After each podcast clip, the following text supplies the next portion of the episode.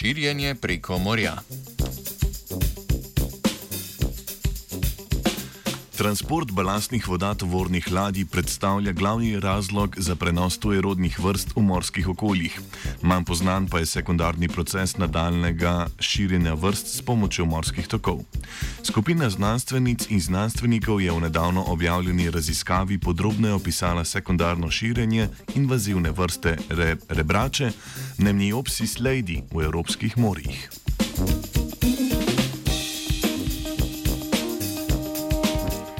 Rebrače so meduzam podobni planktonski organizmi, ki izvorno prihajajo z vzhodne obale Severne Amerike. V evropskih morjih so se prvič pojavile v 80-ih letih prejšnjega stoletja, danes pa so razširjene tudi v Jadranskem morju. Zaradi hitrega razmnoževalnega ciklusa in prehrane s planktonom škodljivo vplivajo na biotsko pestrost morskih ekosistemov. Zato je poznavanje poti širjenja invazivne vrste rebrače ključnega pomena za upravljanje s to vrsto ter možnost predvidevanja njihovega nadaljnega širjenja. Raziskava je temeljila na podlagi modeliranja podatkov o razširjenosti rebrač, njihovi populacijski genetiki ter delovanju morskih tokov.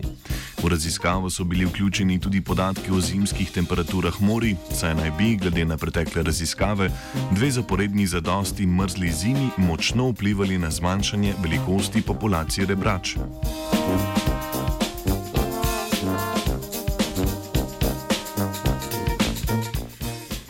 Rezultati raziskave so pokazali, da imajo morski tokovi glavno vlogo pri razširjanju planktonskih organizmov.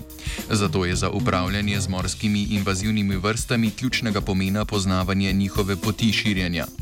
Rebrače tako potujejo s hitrostjo 2000 km v eni sezoni. 2000 km ja, v eni sezoni. Rezultati genetskih raziskav pa so pokazali, da je bila v morja Zahodne Evrazije rebrača prinešena v dveh neodvisnih invazijah. Za nadaljne upravljanje z invazivno vrsto rebrače je ključnega pomena, da ne prihaja do novih prenosov z balastnimi vodami tovornih ladij, ter da se rebrače ne razširijo na območje severnoafriške obale.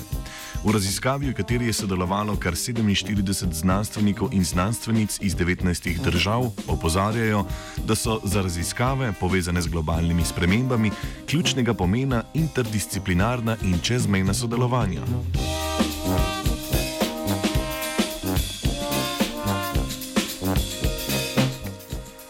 Z morskimi tokovi je potoval tudi Sebastian.